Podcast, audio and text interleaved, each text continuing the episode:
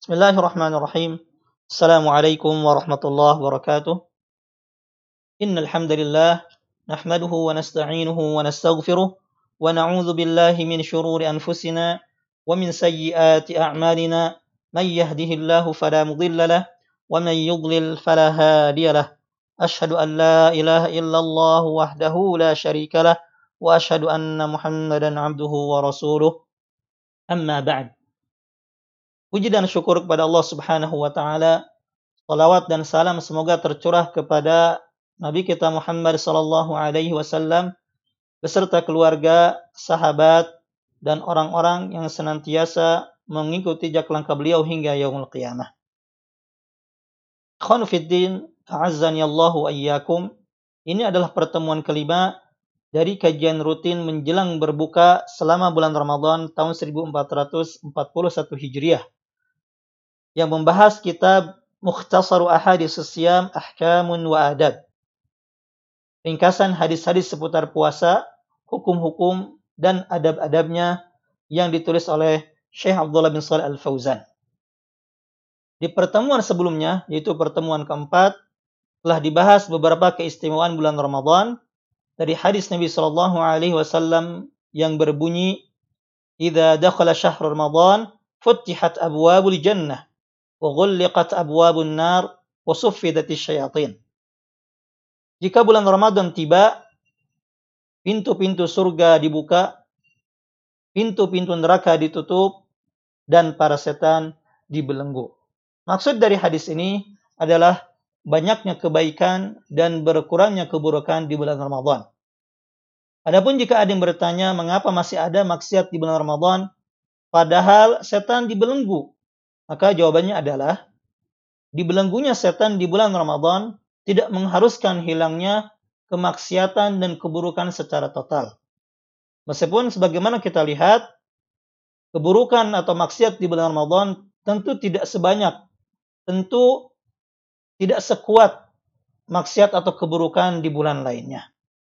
Dan hal itu bisa dijelaskan dari poin-poin berikut ini. Pertama, Maksiat tidak hanya disebabkan oleh godaan setan. Maksiat bisa juga disebabkan faktor lain seperti jiwa yang kotor, kebiasaan jelek, dan setan yang berwujud manusia. Kemudian yang kedua, maksiat masih terjadi karena yang dibelenggu hanya setan pembangkang saja. Sebagaimana dalam riwayat itu marad syayatin atau setan, para pembesar setannya. Sementara setan-setan kecil masih bisa mengganggu. Kemudian yang ketiga, setan memang benar-benar dibelenggu, namun tidak terbebas. Tidak sebebas di bulan-bulan yang lainnya. Atau setan memang benar-benar dibelenggu, sehingga tapi masih bisa menggoda meskipun godaannya tidak sekuat di bulan lainnya. Kemudian penjelasan keempat, maknanya adalah kiasan. Jadi, setan tidak dibelenggu. Namun, karena keberkahan bulan Ramadan dan banyaknya ampunan dari Allah Subhanahu wa taala, seolah-olah setan terbelenggu. Jadi itulah penjelasan mengapa adanya maksiat di bulan Ramadan padahal setan dibelenggu. Dan dijelaskan di pertemuan sebelumnya bahwa inilah rahasia mengapa banyak orang-orang yang tadinya sedang bermaksiat, senang bermaksiat di bulan lain, di bulan Ramadan tiba-tiba maksiatnya berkurang atau bahkan menjadi rajin beribadah. Tuhan fiddin rahimakumullah. Pada pertemuan kali ini, insya Allah akan dibahas tentang uh, sholat malam di bulan Ramadan atau yang biasa kita kenal dengan sholat tarawih. Keutamaan dan beberapa hukumnya. Namun sebelum itu, akan kita jelaskan sedikit tentang istilah salat malam, tahajud, witir, dan salat tarawih. Uh, salat malam adalah salat sunnah yang dikerjakan setelah salat isya atau di waktu setelah isya hingga sebelum terbit fajar atau salat subuh. Yang dalam istilah lainnya disebut dengan salat tahajud. Baik itu dikerjakan sebelum tidur atau setelah tidur. Sedangkan witir, witir adalah bagian dari salat malam yang jumlah rokaatnya ganjil, minimal satu rokaat. Adapun tarawih, maka tarawih adalah istilah salat malam yang dikerjakan di malam-malam bulan Ramadan. Baik, ikhwanu fiddin rahimakumullah, akan kita bahas hadis kelima dari kitab ini.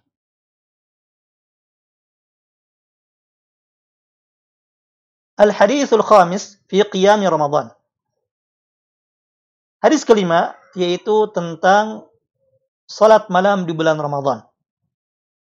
An Abi Hurairah radhiyallahu anhu قال سمعت رسول الله صلى الله عليه وسلم يقول Diriwayatkan dari Abu Hurairah radhiyallahu anhu, ia berkata, aku mendengar Rasulullah sallallahu alaihi wasallam bersabda, "Man qama Ramadhana imanan wa ihtisaban, ghufira lahu ma taqaddama min dhanbih." Muttafaqun alaih. Barang siapa yang salat malam di bulan Ramadan karena iman dan mengharap pahala, maka akan diampuni dosanya yang telah lalu. Penulis menjelaskan, Al-hadithu dalilun ala fadli qiyami Ramadan wa annahu min asbabi maghfirati dhunub. Hadis ini merupakan dalil tentang keutamaan salat malam di bulan Ramadan dan bahwasanya salat malam di bulan Ramadan adalah salah satu sebab meraih ampunan dosa. Man sallat tarawih kama yanbaghi faqad qama Ramadan. Barang siapa yang mengerjakan salat tarawih sebagaimana mestinya, maka sungguh ia telah mengerjakan salat malam di bulan Ramadan. Kemudian penulis menjelaskan kepada kita syarat mendapatkan ampunan ini berdasarkan hadis tadi. Wal maghfiratu masyrutatun biqawlihi imanan wahtisaban.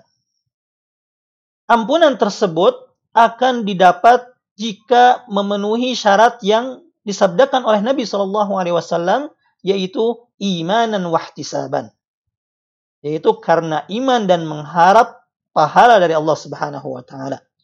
Wa ma'na imanan dan maksud iman dalam hadis ini yaitu musaddiqan biwa'dillah wa fi fad wa fi fadlil qiyam wa 'azimi ajrihi 'indallahi taala yaitu membenarkan janji Allah meyakini keutamaan salat malam di bulan Ramadan dan besarnya pahala ibadah tersebut di sisi Allah Subhanahu wa taala. Sementara makna dari ihtisaban atau mengharap pahala dari Allah Subhanahu wa taala yaitu muhtasiban ats-tsawaba 'inda Allah taala. La biqasdin akhar min riya'in wa nahwi. Itu hanya mengharap balasan dari Allah Subhanahu wa taala tidak punya tujuan lain seperti ria atau yang semisalnya. Jadi hadis ini menjelaskan kepada kita bahwa ampunan yang diperoleh dari sholat malam di bulan Ramadan atau dari tarawih harus memenuhi dua syarat. Yaitu yang pertama harus dilandasi dengan keimanan. Itu dengan meyakini janji Allah Subhanahu wa taala, meyakini keutamaan ibadah salat tarawih ini. Kemudian yang kedua yaitu dengan hanya mengharap pahala dari Allah Subhanahu wa taala, bukan karena takut dari manusia atau karena ingin disebut rajin salat malam atau hanya ikut-ikutan orang lain saja atau kalau anak-anak sekolah biasanya ingin mendapat tanda tangan dari imam, bukan untuk tujuan-tujuan itu. Jadi harus meyakini, harus mengharap hanya kepada Allah Subhanahu wa taala. Kemudian penulis menukil hadis lain yang juga senada dengan hadis yang dibacakan tadi. Wa an Abi Hurairah radhiyallahu anhu qala dari Abu Hurairah radhiyallahu anhu ia berkata, kana Rasulullah sallallahu alaihi wasallam yuraggibu fi qiyam Ramadan min ghairi an ya'murahum bi'azimah. Adalah Rasulullah sallallahu alaihi wasallam memberikan dorongan, memberikan motivasi agar mengerjakan salat malam di bulan Ramadan dengan tanpa mewajibkannya. Kemudian Nabi SAW bersabda, Man qama Ramadana imanan wahtisaban, ghufira lahu ma taqaddama min dhanbih. Barang siapa yang salat malam di bulan Ramadan, karena iman dan mengharap pahala dari Allah, maka akan diampuni dosanya yang telah lalu. Uh, dahulu Rasulullah Shallallahu Alaihi Wasallam pernah mengerjakan salat malam di bulan Ramadan bersama para sahabatnya beberapa malam. Dalam riwayat disebutkan sampai tiga malam. Namun di malam yang keempat beliau tidak keluar untuk mengerjakan salat uh, tarawih berjamaah dengan para sahabat. Kemudian di pagi hari beliau ditanya oleh para sahabat, mengapa wahai Rasulullah Anda tidak keluar bersama kami untuk salat malam atau untuk salat uh, tarawih. Beliau menjawab, "Qad ra'aitu alladhi sana'tum falam yamna'ni min al-khuruj ilaikum illa anni khashitu an tufradu alaikum." Aku telah melihat apa yang kalian kerjakan semalam. Namun tidak ada yang menghalangiku untuk keluar dari rumah mengerjakan salat tarawih bersama para sahabat kecuali aku khawatir salat malam ini diwajibkan kepada kalian sehingga memberatkan kalian. Itu membuatkan para sahabat dan umatnya. Karena kita tahu bagaimana kualitas salat malam Rasulullah Shallallahu Alaihi Wasallam. Beliau salat malam hingga kakinya bengkak sebagaimana dikisahkan oleh Aisyah radhiyallahu anhu. Dan tatkala ditanya mengapa engkau melakukan demikian padahal dosa Anda wahai Rasulullah telah diampuni yang lalu dan yang akan datang. Apa jawab beliau? Afara aku dan syakura. Tidakkah aku boleh menjadi hamba Allah yang bersyukur? Kemudian juga sebagaimana dikisahkan oleh sebagian para sahabat yang pernah bermakmum di belakang Rasulullah SAW pada salat malam. Sebagaimana yang dikisahkan oleh Ibnu Mas'ud dan juga Hudzaifah al-Yamani. Jadi ini menunjukkan bahwa salat malam tidaklah wajib. Namun, jika seseorang tidak salat malam di bulan Ramadan atau tidak melaksanakan salat tarawih di bulan Ramadan, maka sesungguhnya ia telah menyia-nyiakan kesempatan untuk mendapatkan ampunan dari Allah Subhanahu wa taala. Oleh karena itu, penulis memberikan kita motivasi agar kita bersemangat untuk melaksanakan salat tarawih ini. Penulis menjelaskan, fa'alal muslim an yahris ala salati tarawih ma'al imam. Wala yufarrit wala yufarritu fi syai'in minha. Maka seorang muslim hendaklah hendaknya antusias dan bersemangat untuk mengerjakan salat tarawih bersama imam dan tidak melalaikannya. Nah, kemudian penulis menjelaskan pahala lain yang bisa didapatkan oleh orang yang mengerjakan salat tarawih. Yansarif qabla imamihi. Walau zada ala ihda ashrata atau thalatha, thalatha ashrata rok'ah. Dan seseorang jangan beranjak ya dari salat jamaah bersama imam sampai imam selesai. Meskipun Ya, meskipun uh, jumlah rokaatnya lebih dari 11 atau 13 rokaat. Jadi di sini juga penulis menjelaskan sedikit tentang jumlah rokaat salat tarawih. Yaitu 11 rokaat, 13 rokaat, atau lebih dari itu. Karena sebagaimana sabda Nabi SAW, Salatul layli masna masna. Salat malam itu dua rokaat, dua rokaat. Ini menunjukkan bahwa uh, rakaat uh, salat malam atau salat tarawih itu tidak terbatas. Meskipun sebagian salatnya Nabi sebagaimana banyak riwayat itu tidak lebih dari 11 atau 13 rakaat. Nah, Mengapa kita harus selalu sholat bersama imam sampai imam selesai, tidak uh, keluar atau tidak memotong sholat sampai imam uh, selesai salam dari witir? Karena Nabi SAW bersabda, Man qama ma'al imam hatta yansarif kutiba lahu qiyami laylah. Barang siapa yang salat malam bersama imam sampai imam selesai, maka akan dicatat baginya sholat semalam suntuk. Jadi inilah pahala yang diberikan bagi orang yang sholat malam atau sholat tarawih bersama imam sampai selesai. Kemudian penulis menjelaskan tentang yang dimaksud dengan selesainya imam. Wal murad bin sirafil imam inqida'us salah. Dan yang dimaksud dengan selesainya imam adalah selesainya salat. Yaitu dengan salamnya imam dari dari salat witir. Dan sirafal lan sirafil imam al-awwal idza sulliyat bi aktsari min imam. Yang dimaksud bukanlah beranjaknya imam pertama jika salat tarawih tersebut atau salat malam tersebut diimami oleh lebih dari satu imam. Kemudian penulis menjelaskan kepada kita, "Wa ma hiya illa layalin ma'dudah yaghtanimuha al-aqil qabla fawatiha." Dan salat-salat malam di bulan Ramadan itu hanyalah eh, bilangan tertentu sedikit, hanya 30 malam yang seharusnya dimanfaatkan oleh orang yang berakal sebelum waktu itu terluput.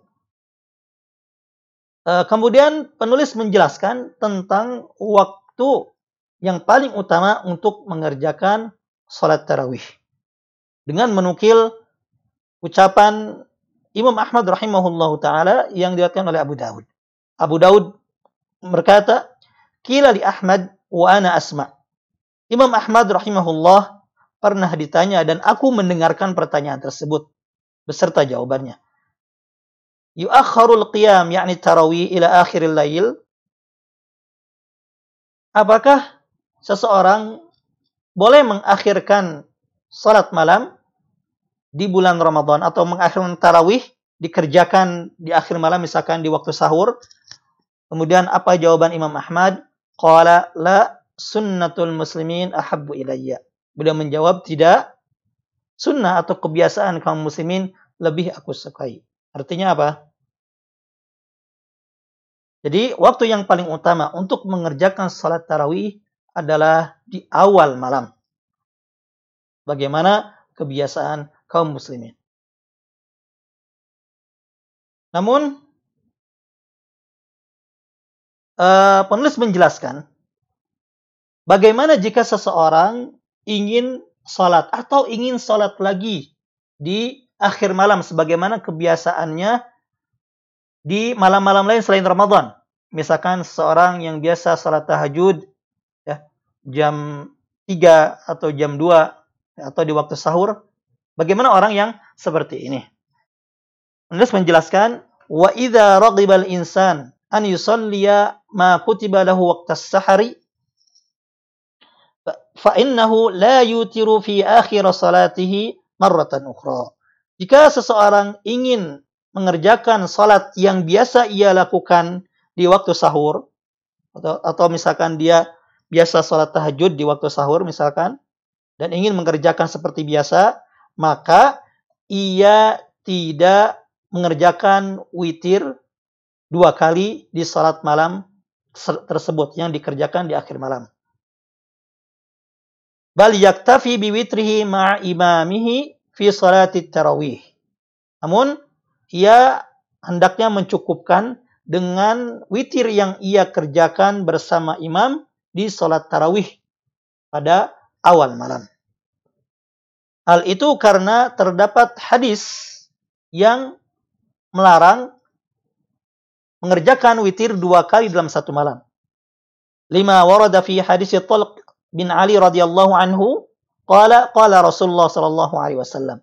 Sebagaimana dalam hadis yang diriwayatkan oleh Talak bin Ali radhiyallahu anhu yang mengatakan Rasulullah SAW bersabda, la witrani fi lailah.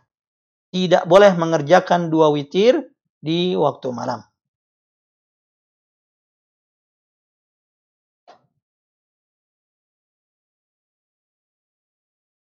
Uh, di sini penulis menjelaskan tentang waktu mengerjakan salat tarawih, yaitu yang paling utama adalah di awal malam, sebagaimana biasa dilakukan oleh kaum muslimin uh, dan sebagaimana yang dijelaskan oleh Imam Ahmad rahimahullahu uh, taala.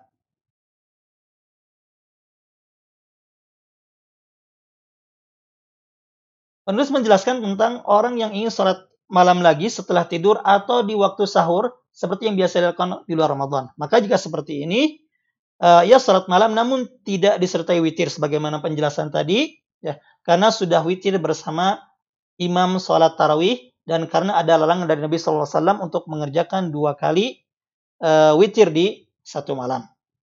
Lalu bagaimana dengan uh, hadis Ibnu Umar radhiyallahu taala yang menyuruh seseorang untuk menutup salat malamnya dengan witir? Jawabannya sebagaimana akan dijelaskan oleh penulis. Amma hadis Ibnu Umar radhiyallahu anhu anin Nabi sallallahu alaihi wasallam qala ij'alu akhir salatikum bil laili witra. Adapun mengenai hadis Ibnu Umar radhiyallahu taala anhuma dari Nabi sallallahu alaihi wasallam yang mana beliau bersabda ij'alu akhir salatikum bil laili witra. Jadikanlah akhir dari salat malam kalian adalah salat witir. Atau jadikanlah salat witir menutup salat malam kalian. Maka penjelasannya adalah fahuwa mahmulun ala man salla fi akhiril lail walam yutir fi awwalihi. Maka hadis ini maksudnya dibawa pada orang yang mengerjakan salat malam di akhir malam dan belum mengerjakan witir di awal malam atau belum witir bersama imam.